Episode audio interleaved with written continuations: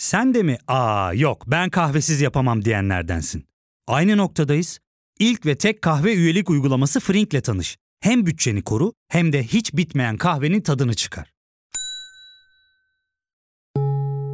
Yakınlarından terapinin onlara ne kadar iyi geldiğini dinlesen de kendin için bir şeylere başlamak zor geliyor olabilir. Ya da sevdiklerine yardım etmeye istekliyken kendi ihtiyaçlarını görebilmek. Hayvel, uzman psikologlarıyla kendi ihtiyaçlarını bulmanda sana destek olacak. Terapi yolculuğuna başlamak için detaylı bilgi bölümün açıklamalarında. Herkese merhaba. Bu kaydı 18 Nisan'da alıyoruz. Bugün Podbi stüdyosunda iki gazeteci konuğum var. Barış Pehlivan ve Barış Terkol. Tanıdığınızı düşünüyorum her ikisini de. Takip etmişsinizdir. İkili Nisan ayının başında önemli bir gazetecilik örneğine imza attılar. İkilinin yazdığı SS başlıklı kitapları oldukça büyük ses getirdi. Bilmeyenler için söyleyeyim, 42 manşet haberle Süleyman Soylu'yu anlatıyorlar bu kitapta.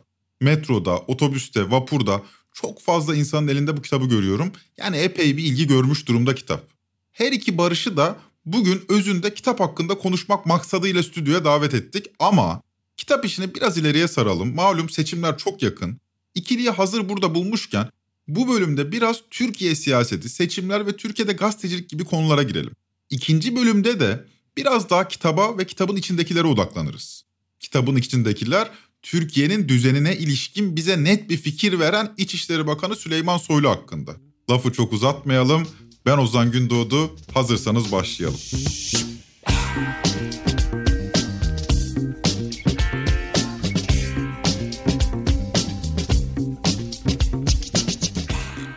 Sevgili arkadaşlar merhaba. Merhaba. Merhabalar. Sevgili arkadaşlar kim bu arada bir tanıtalım.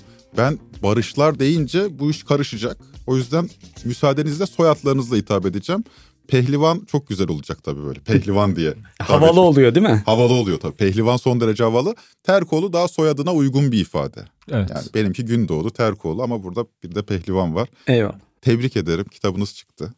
Teşekkür ederiz. Arkadaşla konuşurken arkadaş bana SS diye söyledi. Ben de gayri ihtiyarı SS diye düzelttim. Burada bir duygu yüklemesi var anladığım kadarıyla kitaba. SS diyoruz değil mi? E, biz SS diyoruz. Evet SS diyoruz. Çünkü aslında kitabın ismi Süleyman Soylu'nun adının ve soyadının baş harfleri. Öte yandan sadece biz ona SS, SS demiyormuşuz.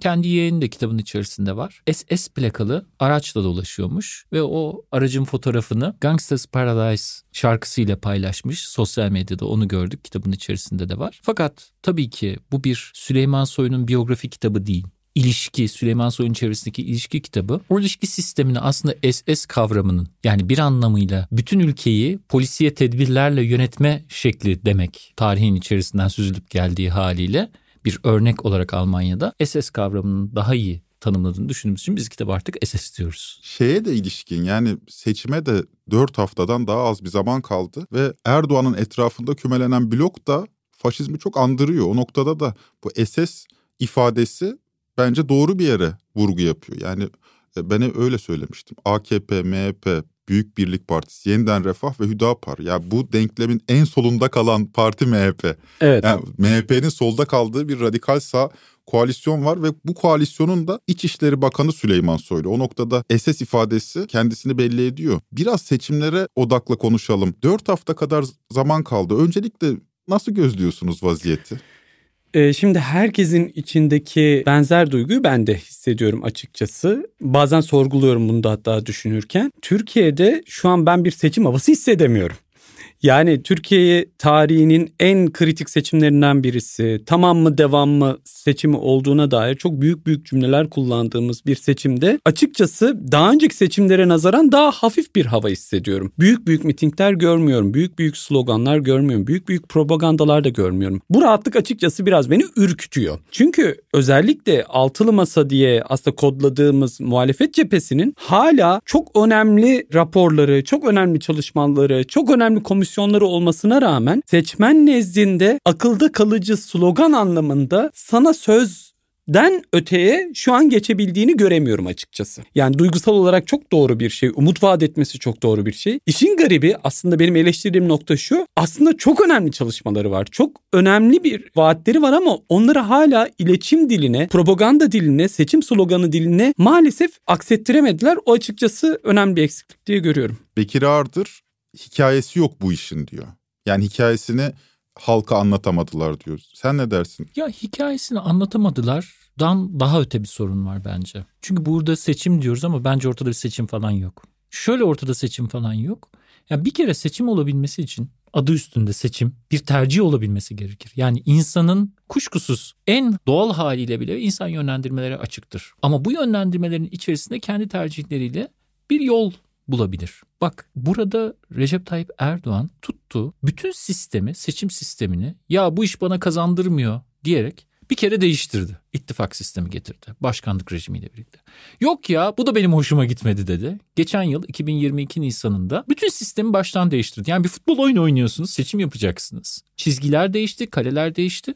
Değiştirdi. Yetmiyor. Elinde müthiş bir medya aygıtı var. Düşünün ki TRT'yi açıyorsunuz o ve muhalefetin ilanları yayınlanmıyor. Miting yapma özgürlüğü doğru dürüst yok. Yani gidiyor muhalefet lideri. Öte yandan da gerçekten öyle bir baskı sistemi var ki insanlar rahatça konuşamıyorlar. Rahatça kendilerini ifade edemiyor. Bu şartlarda ben bir seçim gerçekten o anlamda bir seçim olduğunu düşünmüyorum. Öte yandan da şöyle bir sorunla karşı karşıyayız bence. Barış da eminim sen de yolda yürürken kolundan çeviriyorlardır ve ne olacak diyorlardır. Ben Türkiye tarihinin en seçim gibi olmayan seçimine doğru gittiğimizi düşünüyorum. Kavramsal olarak çok karmaşık görünebilir ama sonuçta şunu diyemiyorum. Bak şu parti kazanır, bu parti kazanır, şu olur, bu olur diyemiyorum. Şunu görüyorum. Toplum artık değiştirmek istiyor bazı şeyleri. Yani toplumdaki değişim isteği yüzde altmışları bulmuş durumda. Ama öte yandan şunu da görüyorum. Bu değişim isteğinin kendisi sandıktan çıkmayabilir. Ya ben bütün bu fotoğraflara baktığımda Türkiye tarihi adına bir seçim mi var Yoksa başka bir kırılma noktasına doğru gidiyoruz ve onun adına seçim mi konmuş siyasal sistemimizde artık oturduğu için emin değilim.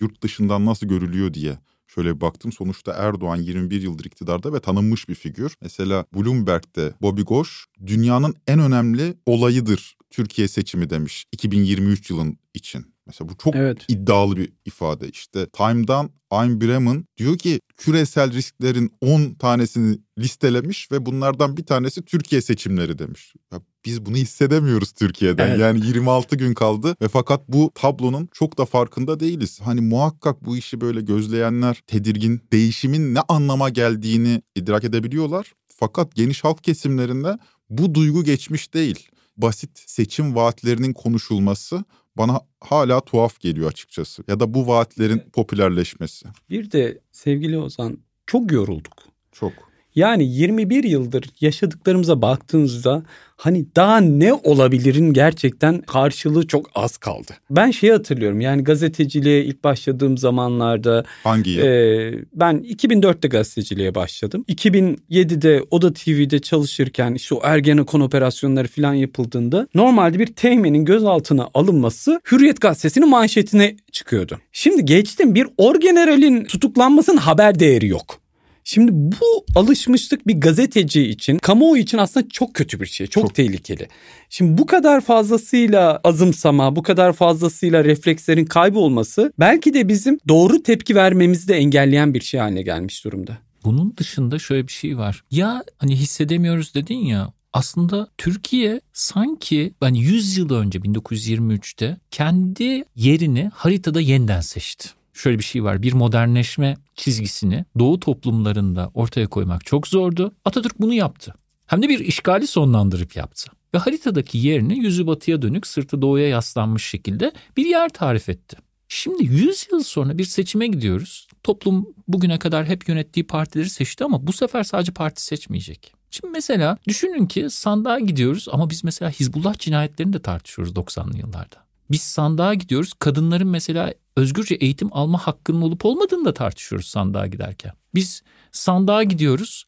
Aslında bir türlü medyada yaşama, gazetecilik yapma bunları da tartışıyoruz. Şimdi bunlar normalde seçimle karar verilebilecek şeyler değil. Kusura bakma %99.9.999'da bir kadının istese dahi eğitim hakkını, oy hakkını, çalışma hakkını elinden alamaz. Ama biz bunu seçimin içinde tartışıyoruz. Ya da bunu seçim konusu yapmamak Yap, gerekir. Yapmamak gerekir.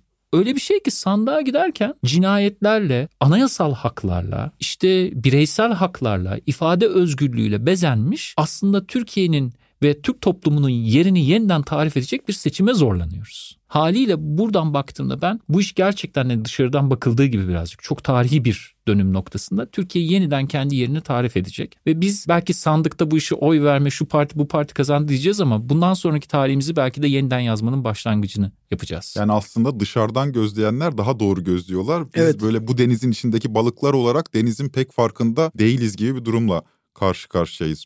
Sizin başınıza geliyor mu bilmiyorum. Ben kendi kafamda çok tartıyorum bu işi. Bir seçim var ve biz gazeteciyiz. Bizden beklenen tarafsız olmamız gerektiği.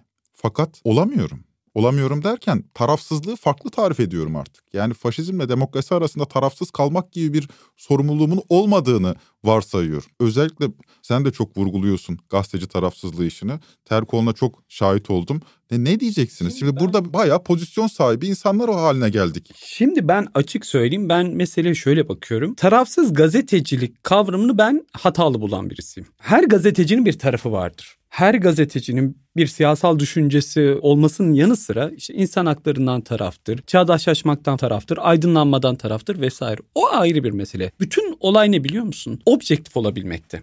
Yani bir tarafın olmasına rağmen gerektiğinde tarafının bir şekilde etmenlerini de bileşenlerini de eleştirebilmek yani objektif olabilmek ya da karşıda konumlandırdığın cepheyi de doğru analiz edebilmek, onu kamuoyuna doğru aksettirebilmek. Yani benim bir tarafım var. Benim tarafım olmakla birlikte ben gazetecilik yaparken objektif olmaya çalışıyorum. Ancak burada işte o 21 yıldır yorgunuz dedim ya, neler neler yaşadık dedim ya, toplumun maalesef hem psikolojisi hem sosyolojisi bozulmuş durumda. Gazetecilere olmaması gereken sorumluluklar yükleniyor ve hatta bir avuç gazeteciye bunlar yükleniyor. Başınıza geliyor değil mi? tabii çok Bu memleketi geliyor. siz kurtaracaksınız. Kim bir de çok maalesef o kadar bence sosyolojimiz bozuldu ki 20 yıl boyunca Adalet ve Kalkınma Partisi'nin her türlü rantını yiyen, her türlü ekmeğinden faydalanan, her türlü onu öven insanlar son birkaç ayda iki Erdoğan eleştirisi yaptığında senle eşitlenebiliyor.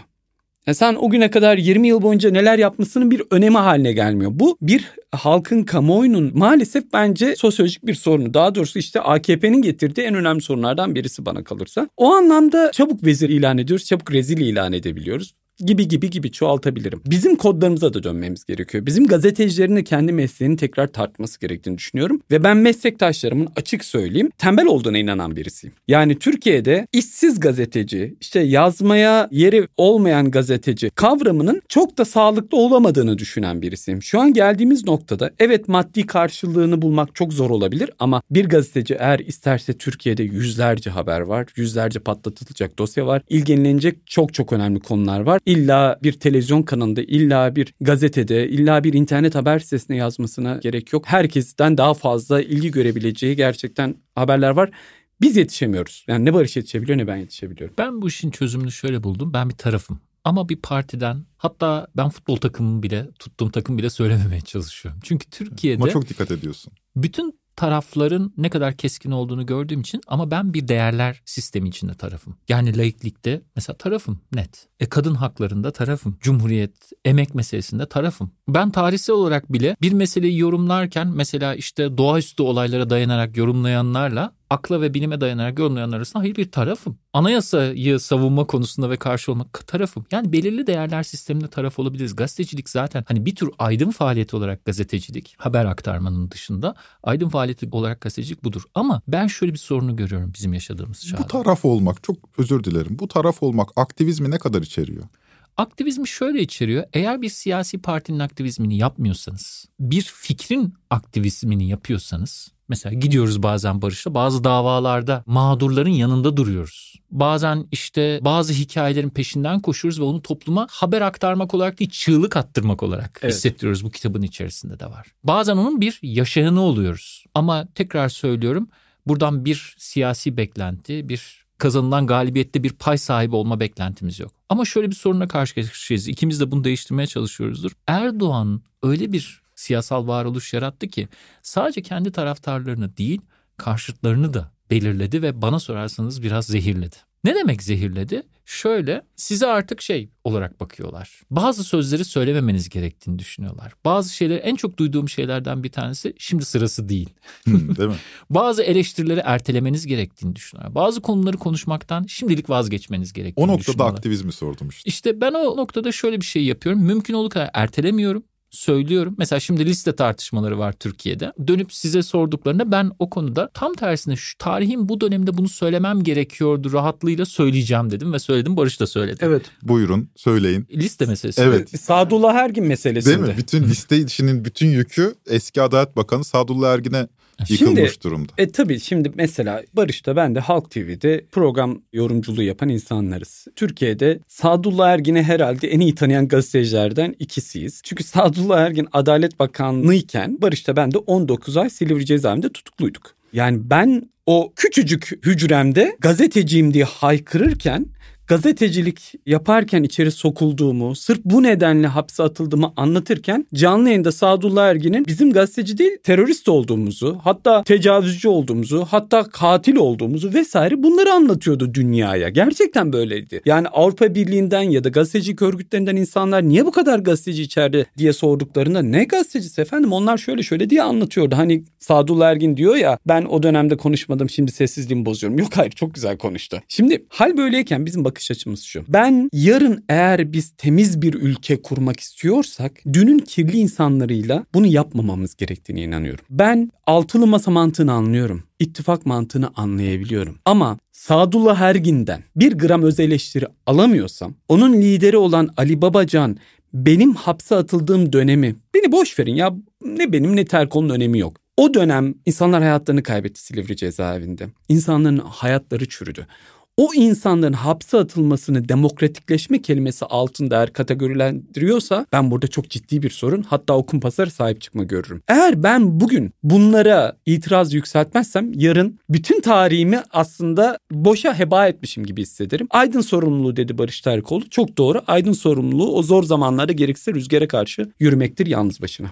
Bir de şu daha samimi olayım. Sizce muhalefet, muhalefet diyerek ne demek istediğim anlaşılıyor herhalde. Şöyle bir vizyon mu koyuyor? Diyelim ki 20 yaşındaki bir çocuğun önüne. Sen bedeli ne olursa olsun özgürlük için, adalet için, emek için mücadele et ve bütün her şeyi göğüsle.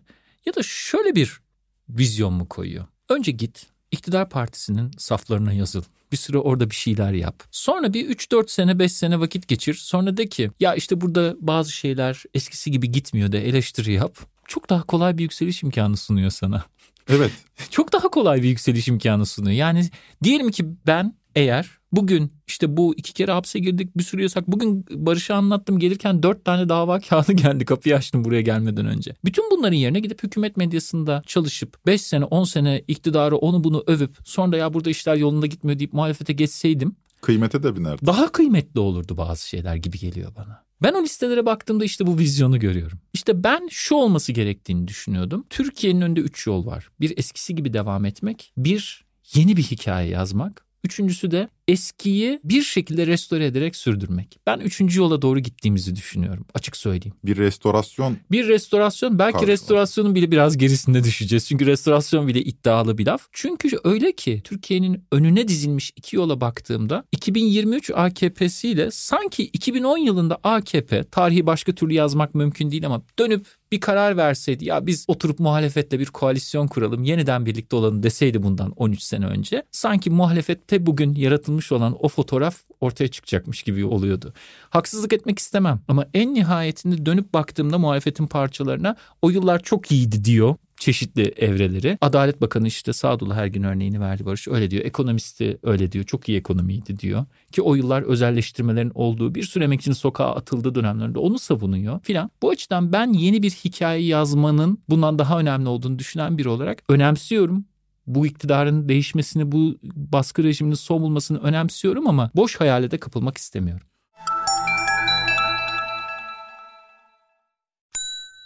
Ya fark ettin mi? Biz en çok kahveye para harcıyoruz. Yok abi, bundan sonra günde bir. Aa, sen Frink kullanmıyor musun? Nasıl yani? Yani kahvenden kısmına gerek yok. Frink'e üye olursan aylık sadece 1200 TL'ye istediğin çeşit kahveyi istediğin kadar içebilirsin. Günlük 40 TL'ye sınırsız kahve mi yani? Çok iyiymiş. Aynen. Hatta şu anda 200 TL'lik bir indirim kodu da var. E hadi hemen indirip üye ol da bu fırsatı kaçırma. Terapiye başlamak, içinden çıkamadığın döngüleri kırmak, bazı yanlış bulduğun kararlarını değiştirmek ve kendinle beraber daha huzurlu bir yaşam inşa etmek için atabileceğin en değerli adımlardan biri. Hayvel ile yoğun yaşam tempona uyum sağlayarak online terapi seanslarını takvimine göre ayarlayabilirsin. Bini aşkın uzmandan sana en uygun terapisti seçebilir, podb10 koduyla indirimden yararlanabilirsin. Detaylı bilgi açıklamalardaki bağlantıda. Bu yeni hikaye meselesinde bana kalırsa önümüzdeki en temel engel Türkiye muhafazakar siyaseti. Öz eleştiri verme işinde gerçekten çok geriden geliyorlar. Çok muhafazakarlar. Çok muhafazakarlar bu konuda. Yani mesela CHP Genel Başkanı Kemal Kılıçdaroğlu bu noktada çok özgüvenli bir çıkış yaptı. Bu helalleşme çıkışı e, kendisine de zarar veriyor. Yani orada tabanıyla da bir mücadele içine giriyor. Ve keza Selahattin Demirtaş'ın buna benzer çıkışları oluyor. Milliyetçi cephede çeşitli açıklamalar. Gerçi onlar da pek öz vermiyorlar. Ama özellikle Babacan ve Davutoğlu'nda bu beklenti çok yoğundu. Madem böyle bir pozisyon sahibisiniz o zaman kuyruğu biraz indirmeniz gerekmez mi? Yani bu aşamaya gelene kadar bir yerde hata yapmış olamaz mısınız? Her şey mi kusursuzdu? Depremdeki şey gibi o dil devam ediyor. Yani o dili tüm parçalarıyla özdeşleştirmişler. Depremde kusursuzuz, mükemmeliz. Tayyip Erdoğan bu ülkenin başına gelmiş en güzel şeydir. Daha önce her şey çok kötüydü ve o ülkemize güneş gibi doğdu. Hiçbir hata ona atfedilemez. Bu aynı durum bütün bu siyasete bir şekilde değmiş herkes için geçerli. Mesela şunu da duymak açıkçası beni yaralıyor. Bu helalleşme çıkışını ben destekliyorum. O projeyi destekliyorum en azından. Bir hikayenin başı için güzel bir başlangıç adımı ama bunun bütün toplumsal kesimlerden ve diğer siyasi öznelerden de gelmesi lazım ki oturup konuşalım. Şimdi şunu deyince de ya hiç öz eleştiri vermeyince sonra da CHP Genel Başkanı'na iyi bak helalleşiyor deyince de biraz da kanıma dokunuyor kardeşim. Siz de bu işe biraz başlamanız gerekmez mi diyorum ya. Toplumsal çürümenin belki de biraz da şeyi o. Biraz felsefi bir şey olacak ama biz mağduru şöyle sanırız. Mağduru yerde tekmelenen kişi sanırız. Oysa mağdur yerde tekmelenen kişi olması bile gerekmez. Kendisini mağdur olarak başkalarına kabul ettirebilen kişidir. Bak tekrar söylüyorum. Tarihte ayaklarının altında ezilmiş, kaybolmuş, gitmiş o kadar çok insan var ki onlara mağdur denmiyor. Ama kalkıp yere yatmasa dahi kendi hikayesini gerekirse sopayla kabul ettirebilenlere mağdur deniyor. Ben bugün Türk sağının sorununun bu olduğunu düşünüyorum. Çünkü Türk sağı muktedir. Türk sağı hep iktidarın yanında veya iktidarın yakınında duruyor. Asla iktidardan vazgeçmiyor. O yüzden mesela bak biz Göztepe'de yürürken Barış da biliyor. Gonca Kuriş'in kızlarıyla karşılaşıyoruz. Aa.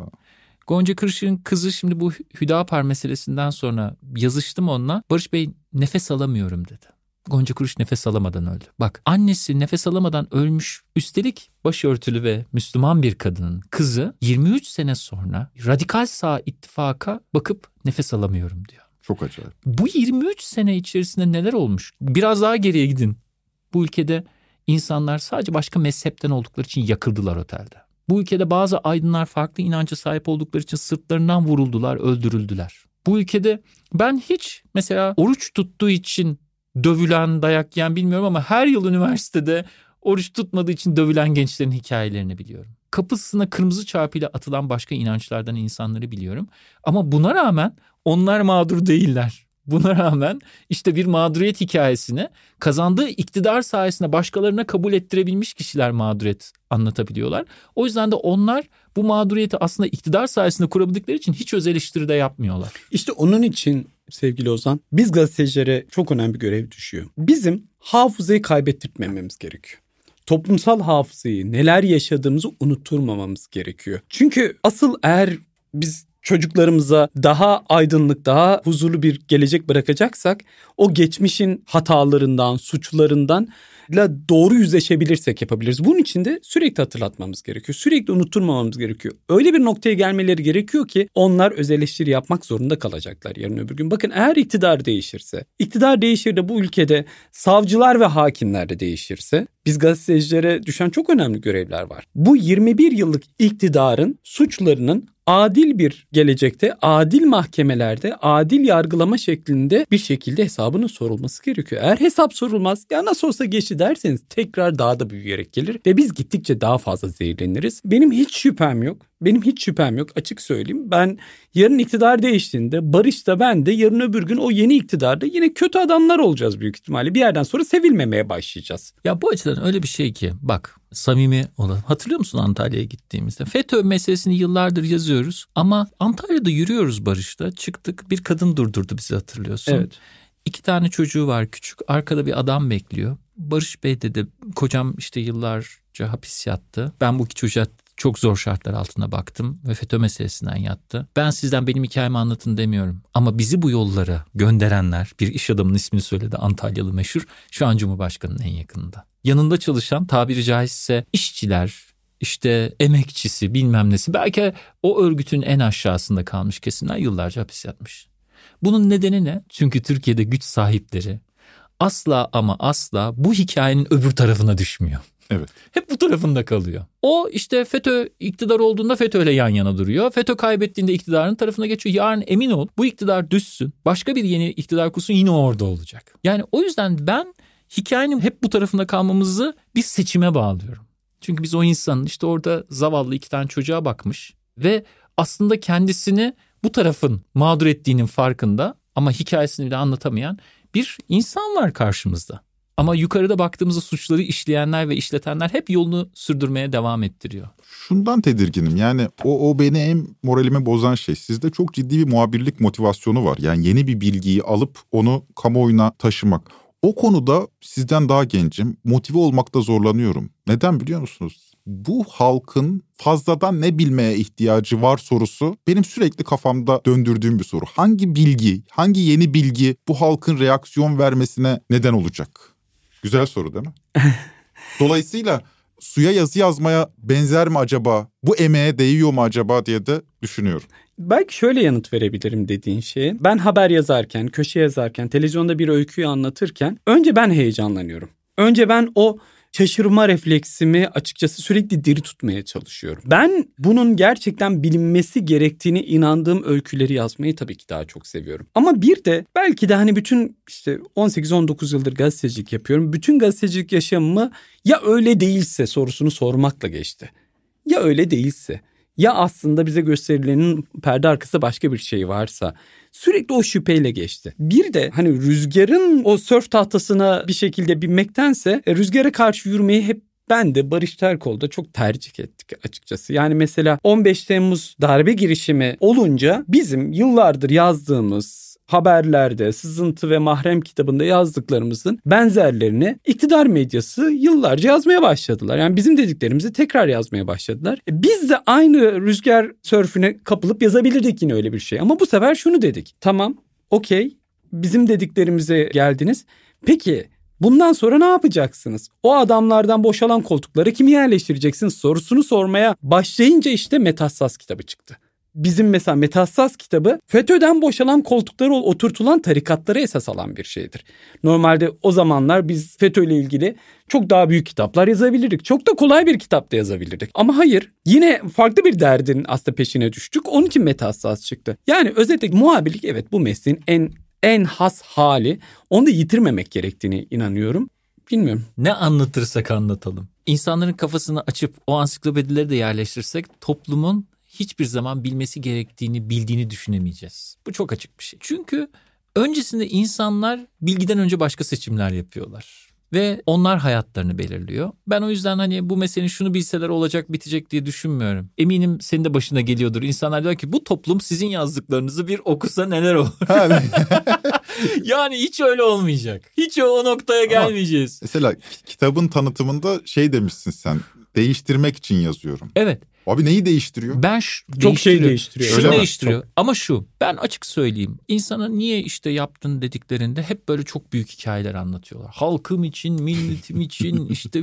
Hayır ben gerçekten önce bütün insanın seçimlerinin bireysel başka fazla ferdiyetçi olabilir ama bireysel olduğunu düşünüyorum. Ben gerçekten böyle bir dünyada yaşamak istemiyorum ya. Başka bir dünyada yaşamak istiyorum. Ve bunun için bunu değiştirmek gerektiğini düşünüyorum. Ve yaptığım işi şöyle görüyorum. Ya şu üstümdeki gömleği bir mağazadan aldım. Şu an üstüme giydim. Çok bana... Logosu görünürse dalga geçer. Hayır yani çok bana benim üstümde. Ama gidip baktığımda vitrinde böyle durmuyordu biliyor musunuz Ozan? Vitrinde o ışıkların altında sanki başka bir ilişki sistemi vardı. Ben bugün yaşadığımız düzeni de böyle görüyorum. Bir vitrin kuruluyor, bir iktidarı kastediyorum. O vitrinin önünde bir güç ilişkisi kuruluyor. İşte muhabirlik burada başlıyor. Alıyorsun bir hikayeyi, küçücük bir taş çünkü hikaye. Bazen işte burada olduğu gibi bir kız çocuğun hikayesi olabiliyor.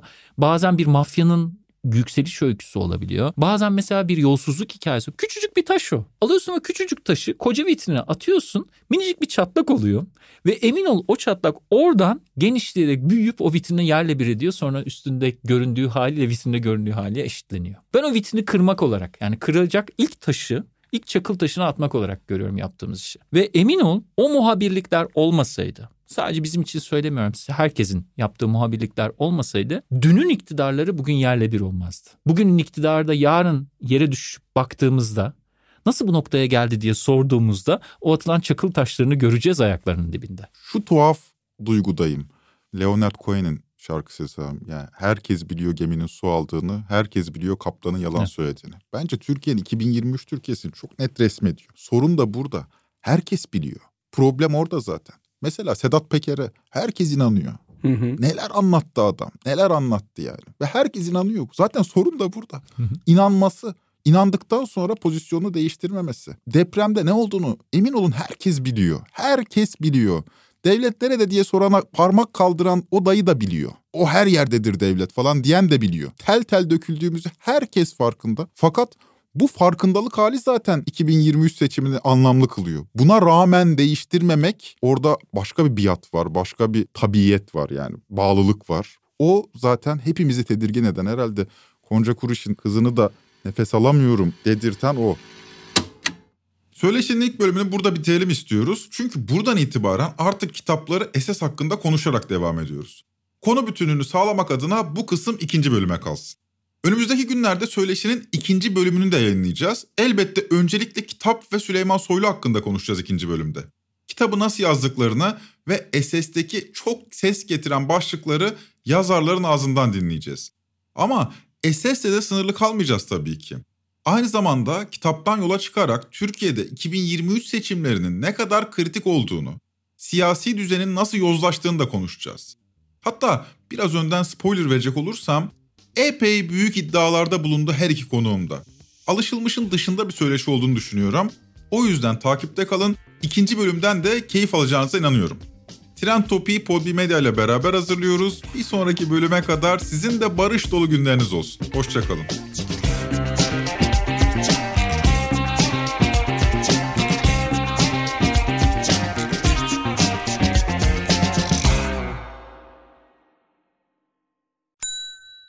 İlk ve tek kahve üyelik uygulaması Frink, 46 ildeki 500'den fazla noktada seni bekliyor. Açıklamadaki kodu girerek sana özel 200 TL'lik indirimden faydalanmayı unutma. Hadi sen de Frink üyeliğini başlat, kahven hiç bitmesin. Hem bugününe hem yarınına katacaklarıyla terapi yolculuğuna ve daha iyi hissetmeye bugün Hayvel ile başla. Açıklamadaki linkten Hayvel'i indir, ücretsiz tanışma görüşmelerinin ardından bütçene uygun seans paketini seç ve terapi yolculuğuna başla.